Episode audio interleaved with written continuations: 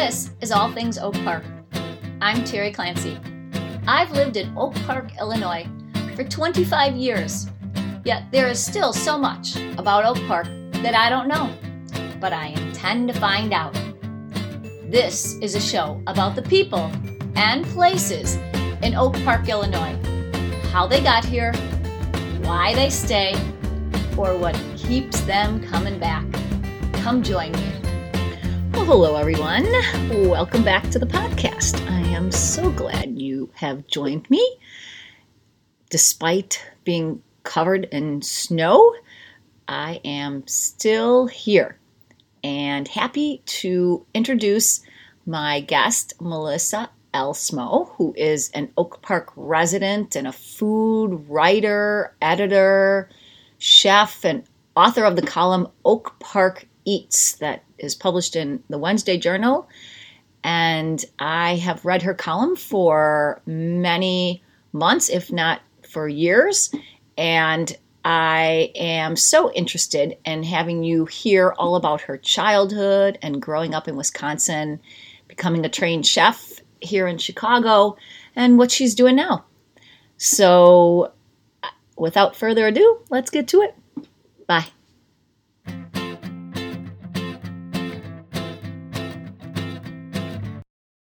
Well, hello, Melissa. Thank you for joining me on the um, All Things Oak Park.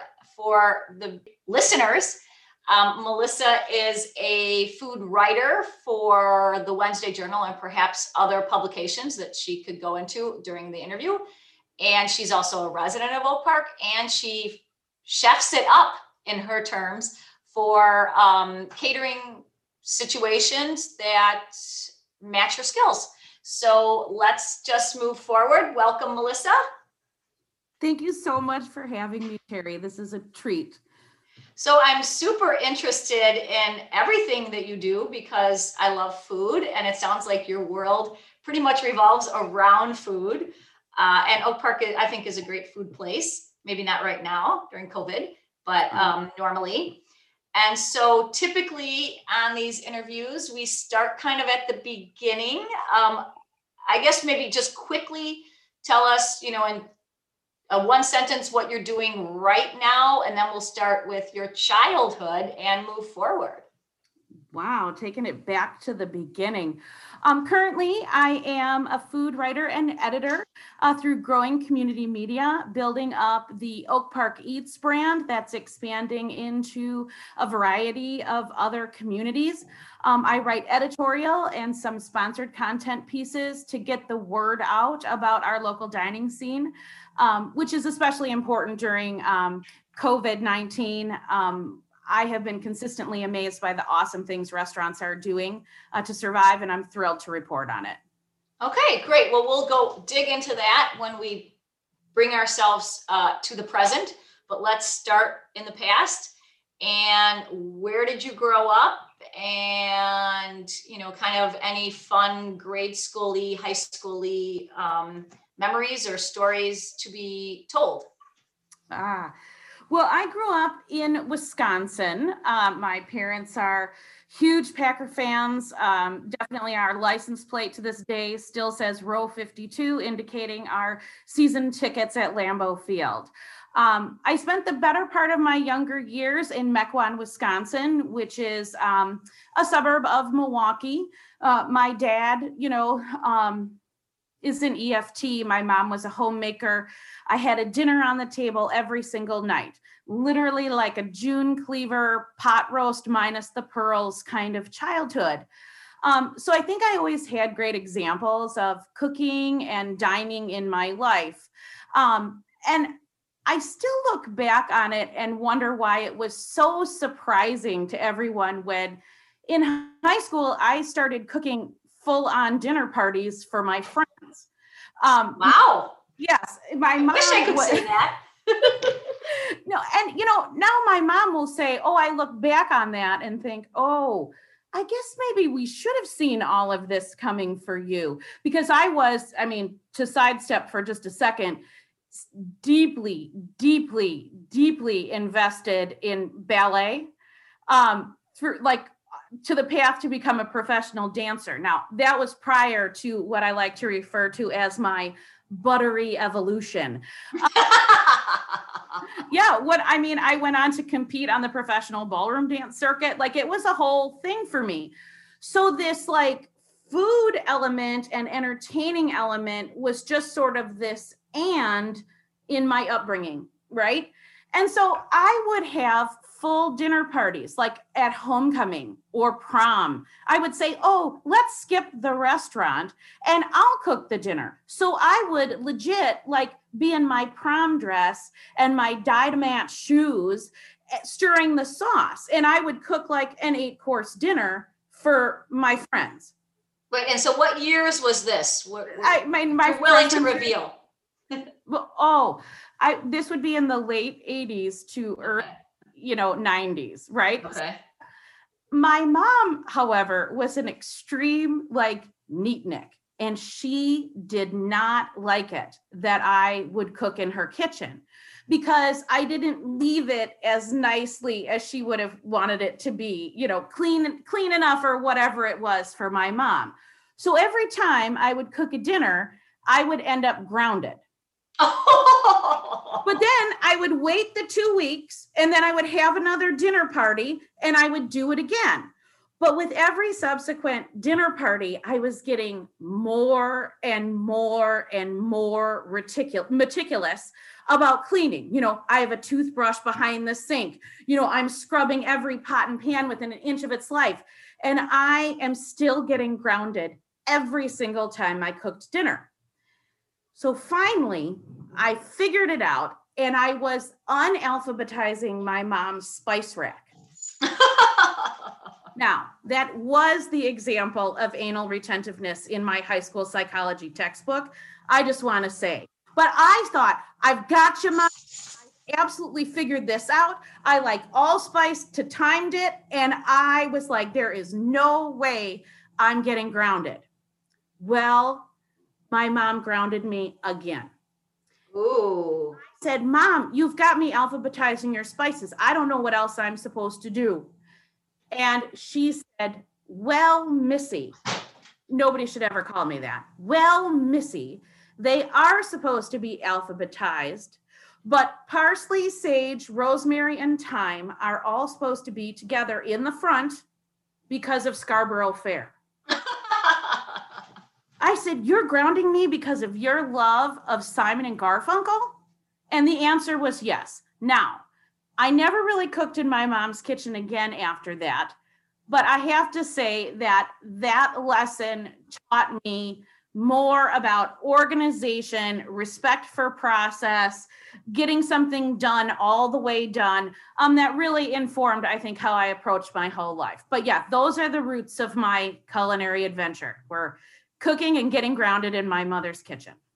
And how does your mom look back at that history? Does she agree with your version? Um, oh no, my my mom probably wouldn't agree with any version of my uh, history.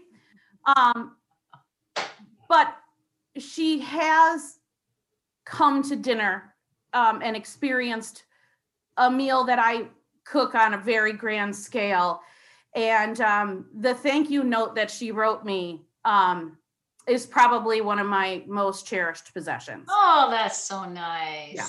So wait, now did you have any siblings? I did. I, I do. I still do. Uh, I have a brother.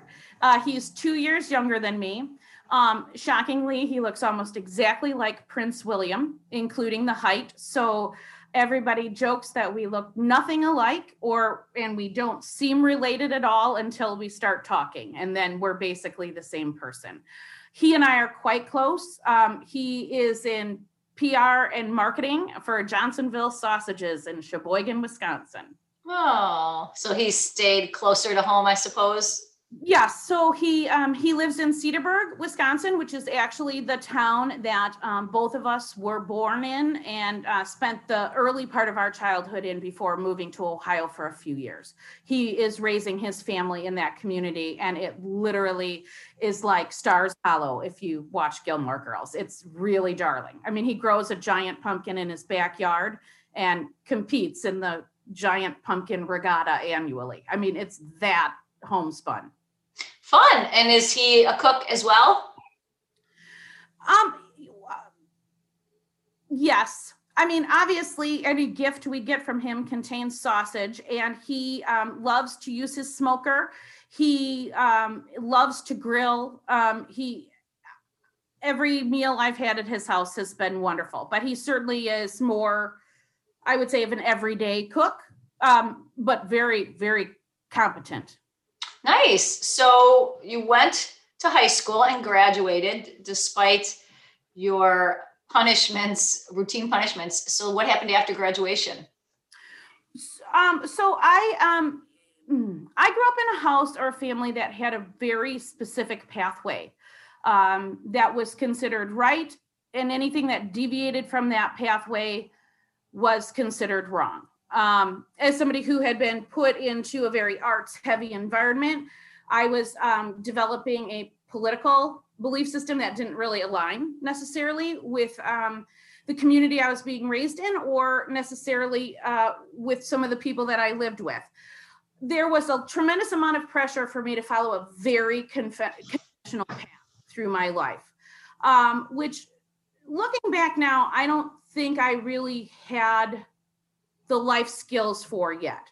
Um, so I attempted to go that traditional route, basically came home and was like, you guys, I'm wasting all of your money. I need to figure out my own life. Um, and then there was a decision made that I should probably move on. Right. So I did. Uh, I was just uh, a little over 19 years old and I just got my own apartment and started figuring out my own life in Milwaukee. Um, from there, a lot of very exciting things happened. Um, I did a lot of theater. I was on the professional ballroom dance circuit. I had like 12 jobs. It was very, um, a very big uh, growth time for me. Um, you know, really making it work paycheck to paycheck, uh, figuring out that I could be self reliant.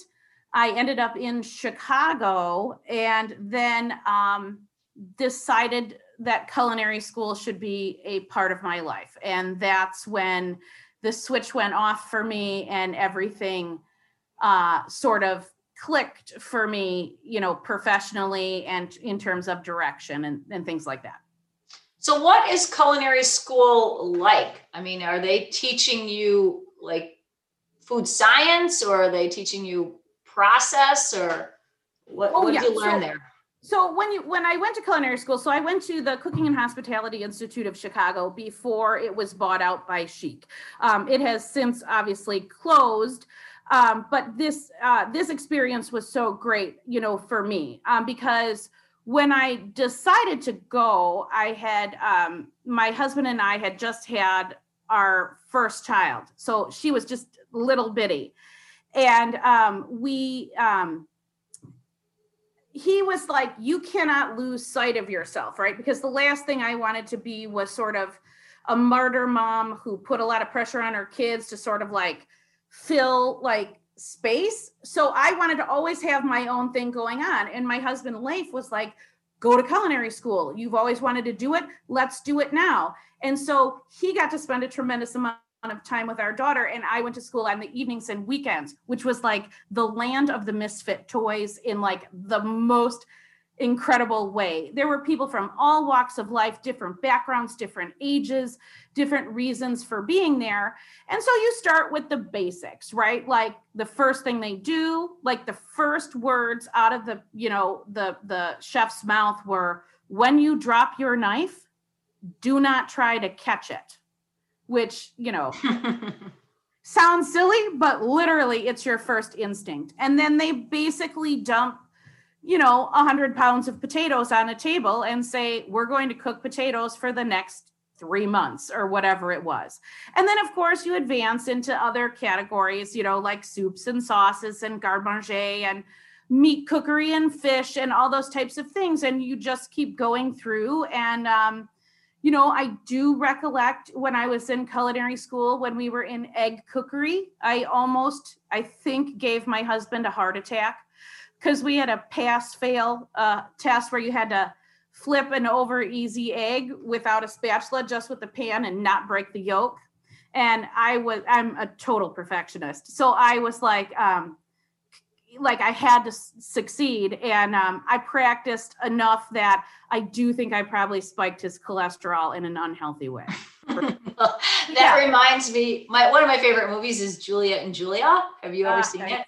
Mhm. When she's cutting the onions because she didn't want to be embarrassed in class and that huge pile of onions. That's good. he doesn't want to be there. He's like, I don't want to be here. Yes, I do believe my husband had that experience uh, probably more times than he would actually care to admit to, for sure.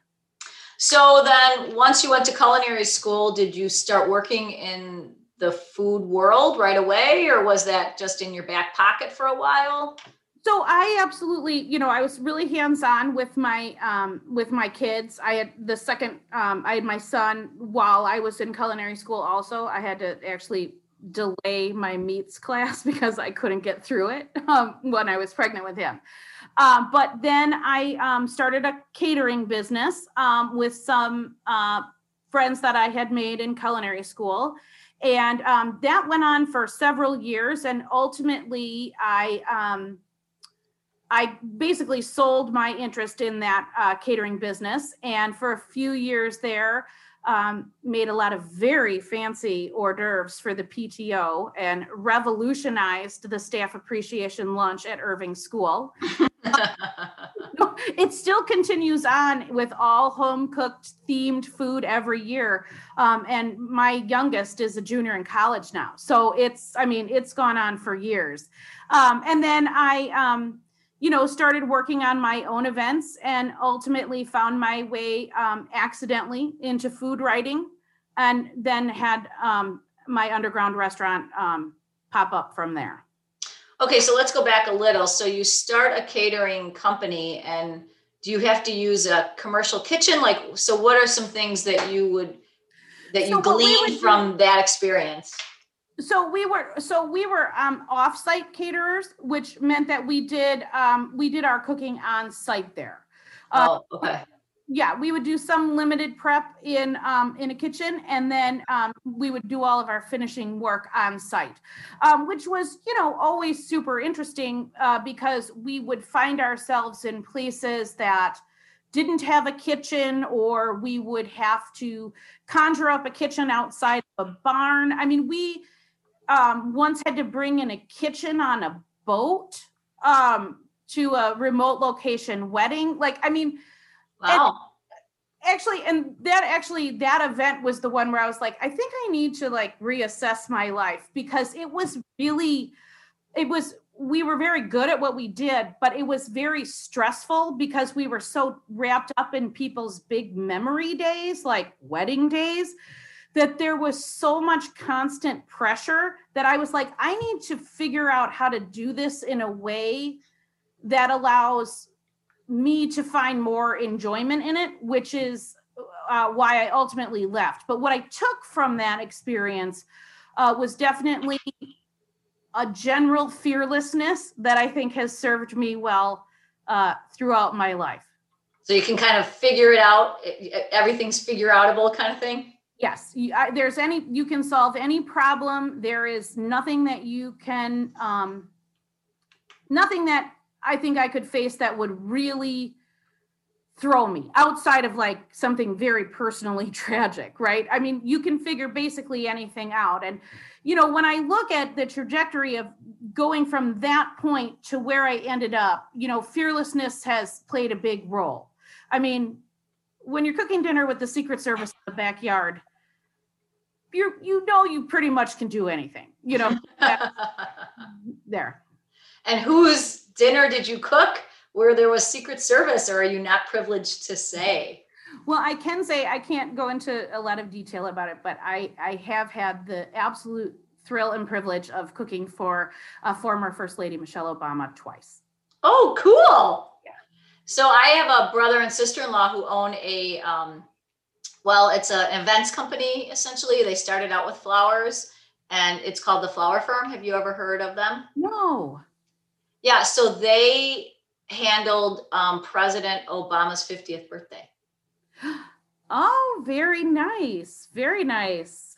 And my um my so I'm always interested to meet not Michelle. Well, of course, I'd want to meet Michelle Obama, but her mother, Marion Robinson, Ah, who I don't know if she was or was not at your event, but um, her so Michelle's father, Marion's husband, worked in the same um, organization. You know, they worked for the city um, called the water filtration plant.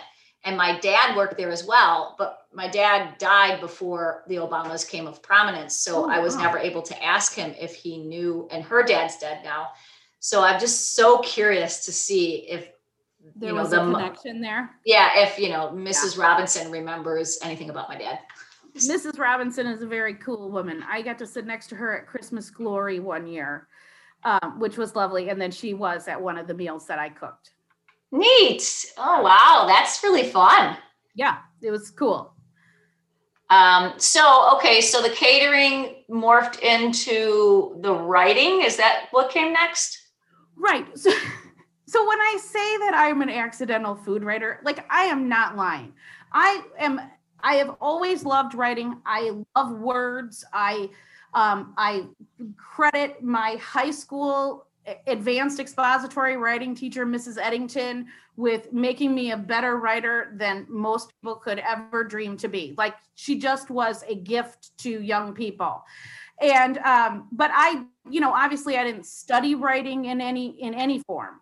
Um, and as I and as I started, you know, leaving this catering business and working within the community, I started getting a reputation locally for just being kind of that food lady. You know, have you Melissa Elsmo will teach you a cooking class and she'll make an hors d'oeuvre for a fundraiser. It was just a whole thing. Well, my friend Midge Deneau, who is a lovely Oak Parker. I mean, everybody needs a friend named Midge, right? Yes, they do. I love that name. you know, which is like adorable. But she, she was always a yes. Whenever I asked her to do anything crazy, like, you know, if it was something like wear roller skates at the Irving Staff Appreciation Launch, or would you be a server at a florist shop where there's no kitchen and we have to make dinner for 100 people? She was always a yes to like any idea I ever had. And oh, even she was part of the group that was on the phone when I was trying to get a reservation at the French Laundry in Napa Valley. And she, you know, was the one who eventually got through on the phone. So she's a, always a yes. And she called me and said, Melissa, Fitzgerald's is having a jambalaya cook off, and I need an entrant. And I was like, okay, like, how could I say no? Right? Because Right. was Midge and she was always a yes. And so I said, I'll do it. I'll be in your jambalaya cook off. And then she says, You need 300 tastings of jambalaya.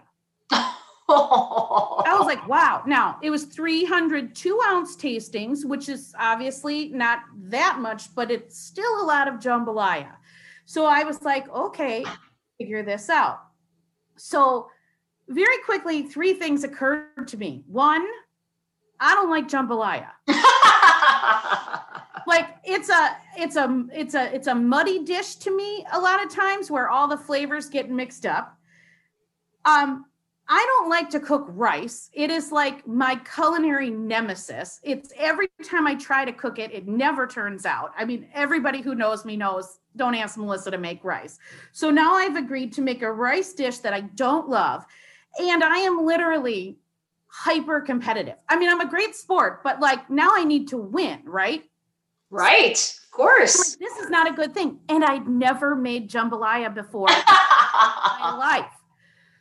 So I start thinking about it and thinking about it and thinking about it. And I'm like, okay, I'm going to do uh, duck, langoustine, and andouille. These are going to be my proteins, right? And I figure I'll just make everything better by making duck skin cracklins as a garnish, right? Because who doesn't want crunchy duck cracklins? And that would be a great foil for any rice I like failed to cook properly, right?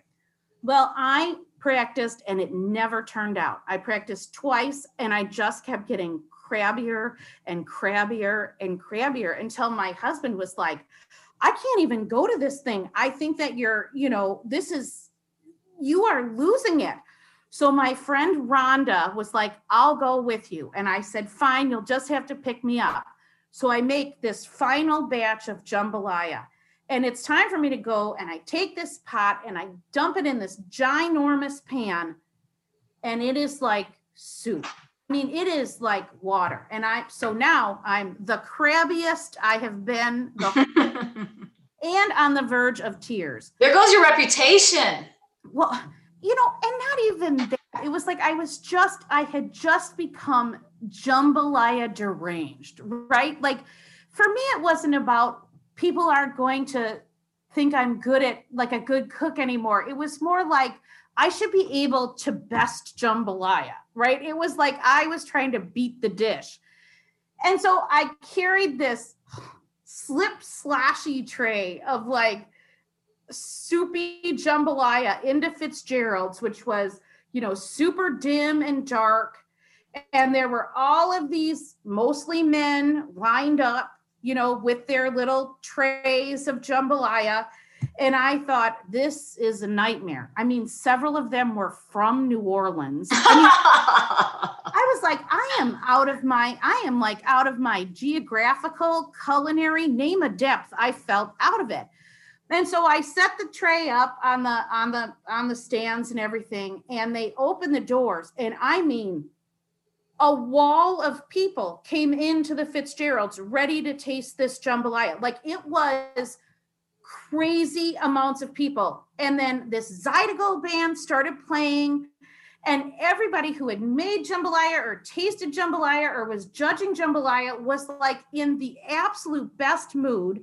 I got i remember i got myself a blue moon beer with a big slice of orange in it and proceeded to have like the best possible time. I opened up that like little tin that big tin of jambalaya and there had been a legitimate jambalaya miracle in my it had become like the most perfect jambalaya I have ever seen in my life. And I was like, this is great. And even if this isn't the best jambalaya here, I would totally do this again. I am having the best time. Yeah, I love Fitzgerald's. I, it was the greatest. And then I will say I did win. Oh, I you won. won! yeah, I won, which was, I mean, a surprise to me and was wonderful. Um, of course, subsequently, I had to judge a lot of years of jambalaya cook-offs, which, as somebody who doesn't love jambalaya, wasn't. but I, um, the following day, somebody from the Oak Leaves reached out to me, uh, Jennifer Clark, who was the an editor uh, over there at the time, and uh, she said, "Now, Melissa." Um, we sent a stringer to cover this. You know, is it, you know, do you have any pictures? And I was like, you know, you can go to my blog over here or you can, you know, see some pictures here on social media, but you know, whatever, whatever you want, I'll just send you a full resolution. And I didn't think much of it. I sent the pictures. And then a couple days later, I got a note that said, Hey, you know, would you come in and talk to us? And so I went in and I met with uh, Jennifer Clark at the Oak Leaves, and they offered me 150 words a week as a little uh, as a food writer, uh, just introducing myself and then giving like cooking tips. And then from there, years, it just morphed into a thousand words a week, taking my own pictures. I went to uh, the Sun Times. I then was part of the Tribune group. Um, and then they decided to go do away with my column after, I mean, it was like 11 years. I mean, it wasn't a short run. And then on that very day, Dan Haley reached out to me and said, uh, Hey, we've got this eats thing we want to build, and we want you to build it. And it was just serendipity. Wow, that's really cool. So how often do you write every week or you're Currently, yeah, or, yeah. Yeah. So I um yes, I write. I uh, I'm basically uh, just about full time now. Oh, okay. Yeah. So like this week I wrote uh, three pieces for for Wednesday Journal, and then I also uh, write for the Forest Park Review, the Riverside Brookfield Landmark, um, other publications that are all then aggregated into the Eats brand, Oak Park Eats, Landmark Eats, those types of things. Well, that's really fun. Well, unlike like you, I have writing that appears in the Wednesday Journal, but unlike you, who gets paid to do that, I pay them to do that. So I do Oh. sponsored content, not not like maybe once a quarter. There Oh, for my, you know, I have a law firm, so Yes. um, I just write about estate planning. Um, Estate planning, man, people do not understand how important that is. yes, Yes, you are they really don't. absolutely right. Yes, especially uh, guardianship. And I mean, it's, we just went through all that establishing trusts. And yeah, it's really a fun conversation to think about your impending doom, but it's the right thing to do. Yeah, I try to make it fun. I actually have a client who sent me a note, which is up um, uh, taped above my desk that says, "Thanks, Terry. You've made a not so fun topic fun." So it's kind I could claim to that you would make it fun to discuss because there is something that should make you feel good about being responsible, you know, for the future of your your family and your loved ones.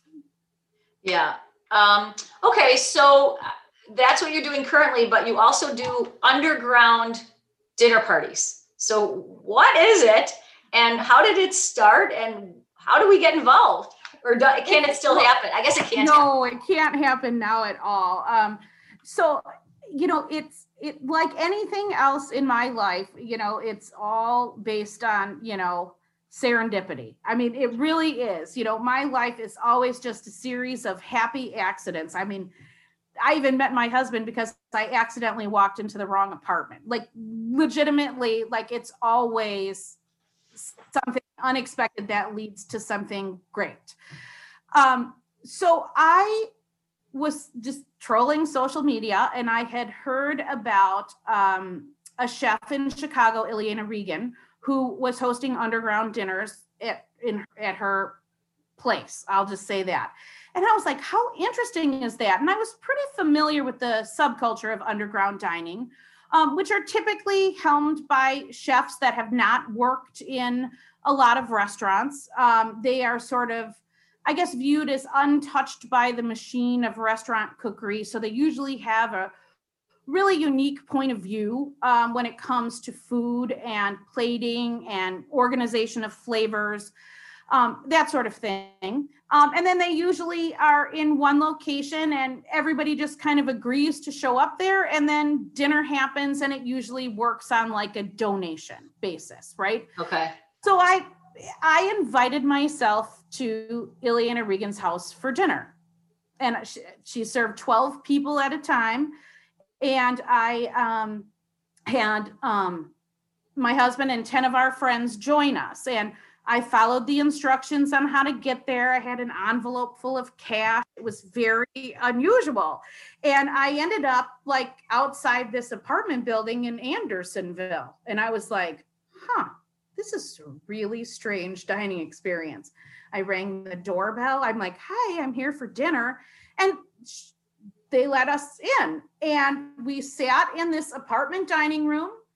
And this chef, who now, by the way, has a restaurant and carries a Michelin star, threw down 24 courses. What? Yeah, like I literally, it was such an out of body experience. And I thought, this was like, we left, and I was like, I still can't believe that happened. And you know, I've been to Alinea, I've been to I've been to a lot of really noteworthy restaurants, but there was something about like the organic like meeting of the minds nature of this experience that was just like profound to me.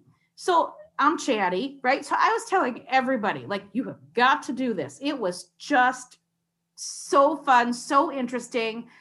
And I was consistently surprised because everybody kept saying, Oh, you should do that. You you should do that. And I'm like, I should not do that. I said, you know, I mean, that chef Iliana Regan is a is like a, an urban forager. You know what I mean? Like a city forager. So like everybody kind of has a point of view.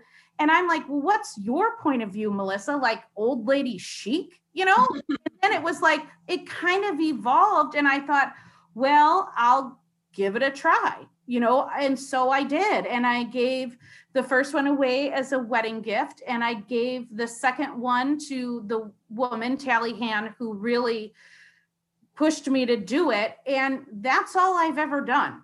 And everything else has just worked by word of mouth and people invite themselves over. It's thousands of people now um, that have come here. One of the major reasons why I ended up cooking for the former first lady is is because of a guest at this table. You know, and Oh, it's it's um it's like the worst kept secret in Oak Park, but I do um feel really honored every day uh, that so many people find value in sitting around the dining room table in my tiny bungalow. Um, the acts of kindness that I have seen uh, and witnessed in this room over the years have been uh, extraordinary. well, I, for one, did participate and loved it. And I thought it was such a cool experience. Well, I'm so glad. I that makes me uh that's you know always flattering. I joke around in Oak Park that um my favorite thing is when I'll end up like in a coffee shop and I'll find somebody looking at me, you know, like that. Do I know you? I can't quite place you look. And then uh, they'll say, I feel like I know you. And then I have to pause and say, okay, if the answer to this question is no, it's going to seem very odd, but is it possible you've had dinner in my house? Yes. Or if it's no, they kind of walk away thinking, why doesn't that lady know who's eating in her house? Like it's like one of those catch 22s. um, well, I think if it were me, I would think that you were related to Ina Garten. If I Oh. saw you in a, I mean, maybe I'd think about being at your house as well, but I, I know the, the listeners can't tell, but they can look in the newspaper and see your picture. Oh, in you're Wednesday sweet. Journal, but uh, you know, and I think she is a very attractive woman, so that's a compliment. In every sense of the word. Thank you. Thank you. I, yeah, that's I sometimes I do sometimes get that one. The other one that I get is uh Sookie St. James from Gilmore Girls. oh yeah, yeah, yeah, yeah. I can see Yeah, the that. Melissa McCarthy role. Yeah. Well, I don't have an, any underground cooking um, businesses, but we I have had I have had a group of friends that we get together and do a dinner as an auction item for St. Giles.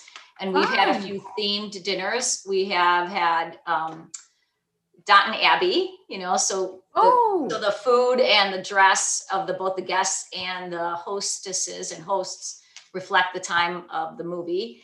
And then um, we've done like Italian with you know everybody being dressed in sweats and you know crazy stuff, and we've done a few different things. So it's been fun. that's fun. So you create the food and the theme. Yeah, yeah. Oh, that's But we've so done our last fun. one.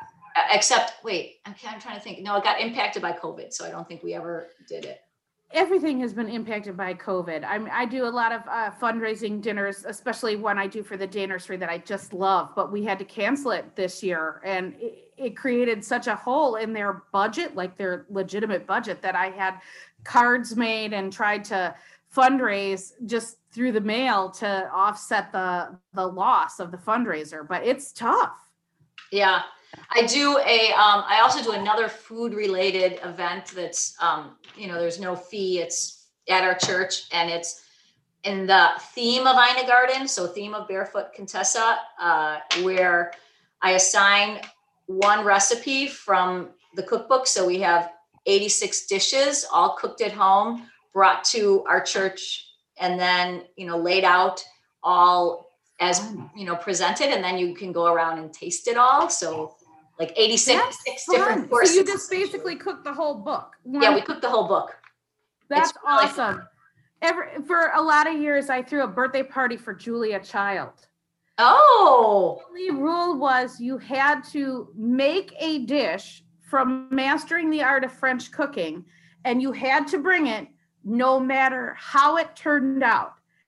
And I have to tell you, those parties were the absolute best. But I mean, we had dishes that showed up with cherries with pits in them because somebody didn't understand that pitted meant without pits, but they thought if something is pitted doesn't mean the pits are in it. And it was a big, you know, you could have cracked a tooth, but boy, was it fun. So, yeah, I love those kinds of experimental sort of bringing people together through cooking experiences. They're yeah best. Yeah, so it's cool fun. that you do that. yeah and then we vote on the dishes and so each That are your favorites? Pardon me that are your favorites? Yeah, so everybody gets they you know use a fork to vote. We have plastic forks, and um, so it's really fun. Yeah, we've done it 10 years now. So um, That's so cool. yeah, yeah, it's been Very super cool. fun. So, and then so I have some friends that bring the cookbook and take notes as they're tasting to decide what they want to you know, because we have all the recipes there, so they can easily see what um what it is that they're tasting out of the book. So it's really fun. Wow. That's Yeah, I'll invite you sometime if we ever get back well, to it. hey man, I'll come. I mean, that's uh, that's exciting. That's exciting. Um, okay, well, we are coming down to the end. I, I um have to ask you my final question, which I think you're ready for. And that is because you live in Oak Park. Oh yeah, I didn't, you know what, before that, just how did you end up living in Oak Park?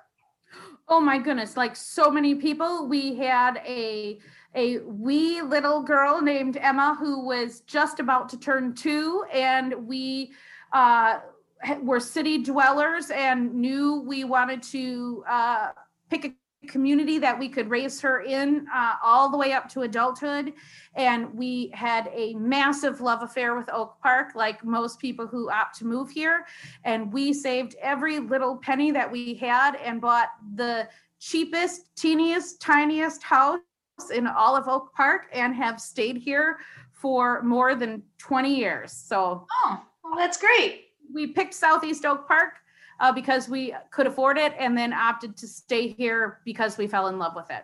Well, that's great. Yay. And um I was going to riff off of that, but now I've lost my train of thought. So we'll hopefully I'll come back. Oh, I know. So those underground dinner parties, if we ever get back to normal, are you going to um, ramp them back up or are those days gone forever?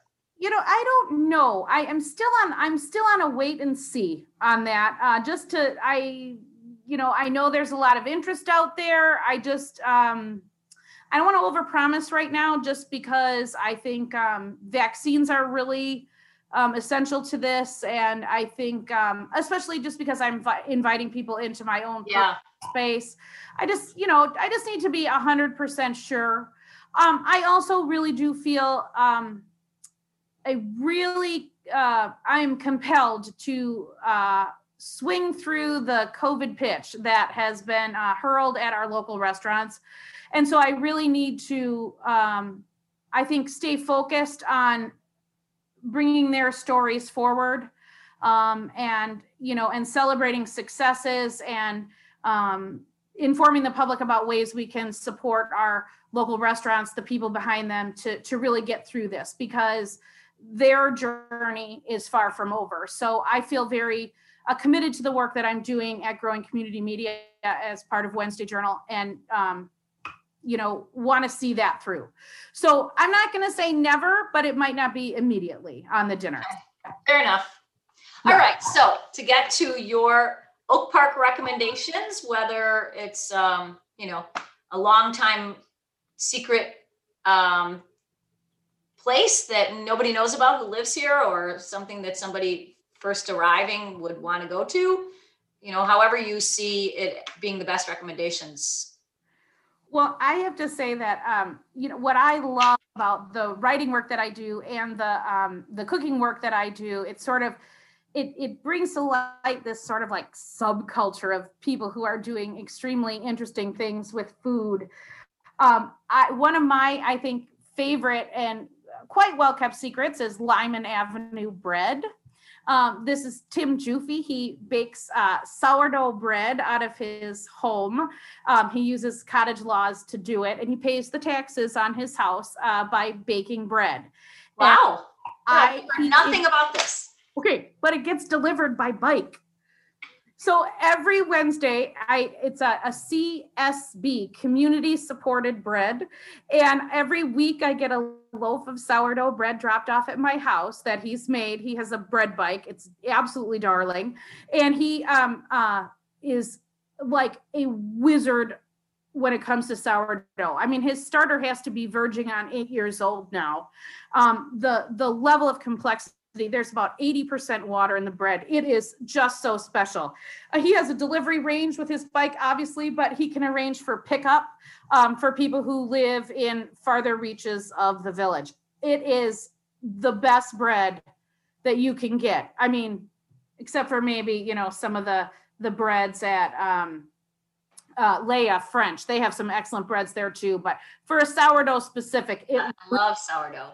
No, and it's low glycemic. I mean, it is just spectacular. Spec- So how do you get, how do we find out so about? you can follow Lyman Avenue Bread on Instagram. You can also look up on Facebook. Um, on Instagram, his videos of him turning out dough are are very highly. Oh, Um, okay. and then you just reach out, and if there's availability, um, he'll put you on his list. I mean, I think he has a Wednesday delivery and then also maybe a Saturday delivery. But he's um so so talented. I mean, really talented. Oh, I'll have to check it out. Yeah, I highly recommend. Um, the other one is um, oh, um, Pig and Fire. Are you familiar with this? No. Okay, so Pig and Fire is a catering company um, owned by Oak Parkers, uh, Jen and Roll, and they are um, they specialize in Filipino food. Their business operates out of the Hatchery on the west side of Chicago. Are you familiar with that? I know that name, but it might be for me- another reason.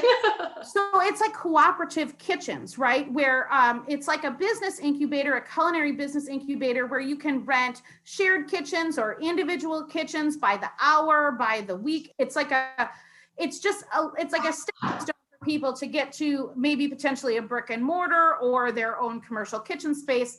So uh, Pig and Fire is cooking out of the hatchery right now. I was fortunate enough uh, pre-COVID to participate in one of their Kamayan dinners, which is a Filipino dinner where everything is arranged, all the food is arranged in a big long line on the table, and you eat it communally with your hands. oh, fun. Mind blowing. But now they're doing uh, pop ups um, that are related to like different events. Like I think they're doing one for the Super Bowl. I'm sure they'll do something for Valentine's Day where you can, um, they adapt some of their traditional Filipino dishes to um, meet your like everyday celebrate, everyday or celebratory needs. They have a lechon, which is this pork dish that I legitimately ate it and it brought a tear to my eye. It is this roasted, so it's at once tender and crispy pork with all kinds of aromatics in it, like lemongrass. I mean, it's just pure perfection. Mm, yum. Yeah. Those are great. Yeah. And then the last one I had for you is um this one's I don't know if he's gonna be happy I mentioned this, but side yard coffee. Oh, no, I don't know that either. Okay, well, Side Yard Coffee, it's a little coffee uh, roastery in a legitimate side yard in Oak Park that is also um, sold by subscription. Um, so every week I have um, a bag of this coffee, which changes by um, region, country of origin, um, you know, and it varies. And then every week you get a very long email, not very, very long, I mean, a very thoughtful, informative email explaining um, where the coffee's from, how it's harvested, what he did to roast it, what the flavor profile you'll get from it is, and it uh, it's fantastic. And you can find him, I believe, on Instagram as well, Side Yard Coffee.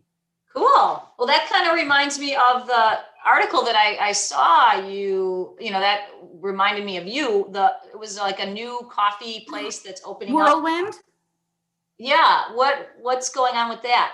so whirlwind coffee is um, i'm very very very um, excited about it it's a new roastery that's going into the um, old gilcrest gilchrist gilcrest am i saying it right uh, hardware store um, on madison avenue so it's across from the little jewel um, sweet little building um, that has been remodeled to include a cafe and that will open later um, and a coffee roastery. And uh, David Silverstein is um, helming it with his nine year old daughter, Maya.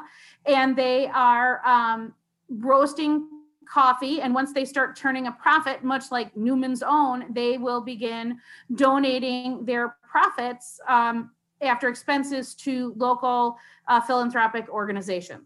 Wow. And so is that going to be like a part-time thing they're going to do on the weekends or something? No, it's going to be a full time. It's going to be a full time um, endeavor for David, um, who has a background in uh, digital. I can't remember what it is off the top of my head, uh, but it is a background in uh, digital management of some kind. I think he was a, a high up, like CFO, or we'd have to look at the article. Um, and he actually um, is leaving that um, aspect of his life behind in favor of following his passion for roasting coffee and um, spending time with his daughter and um, spreading a lot of kindness in Oak Park.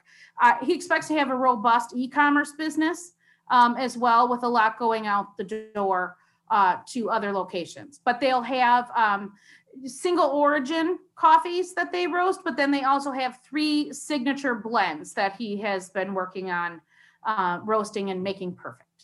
So are they going to sell the coffee just in the beans or are they going to actually sell like coffee to drink?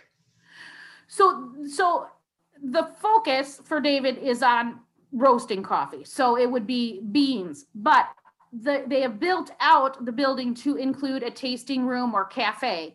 Um, it's just that because of COVID, they've decided to delay that portion of it in Oh, okay. getting the roastery up off the ground. But eventually, Terry, yes, there will be, uh, to as far as I understand it, as I best understand it, there will be a cafe there where you could go in and get a cup of coffee and, you know, of course, pick up a bag of beans.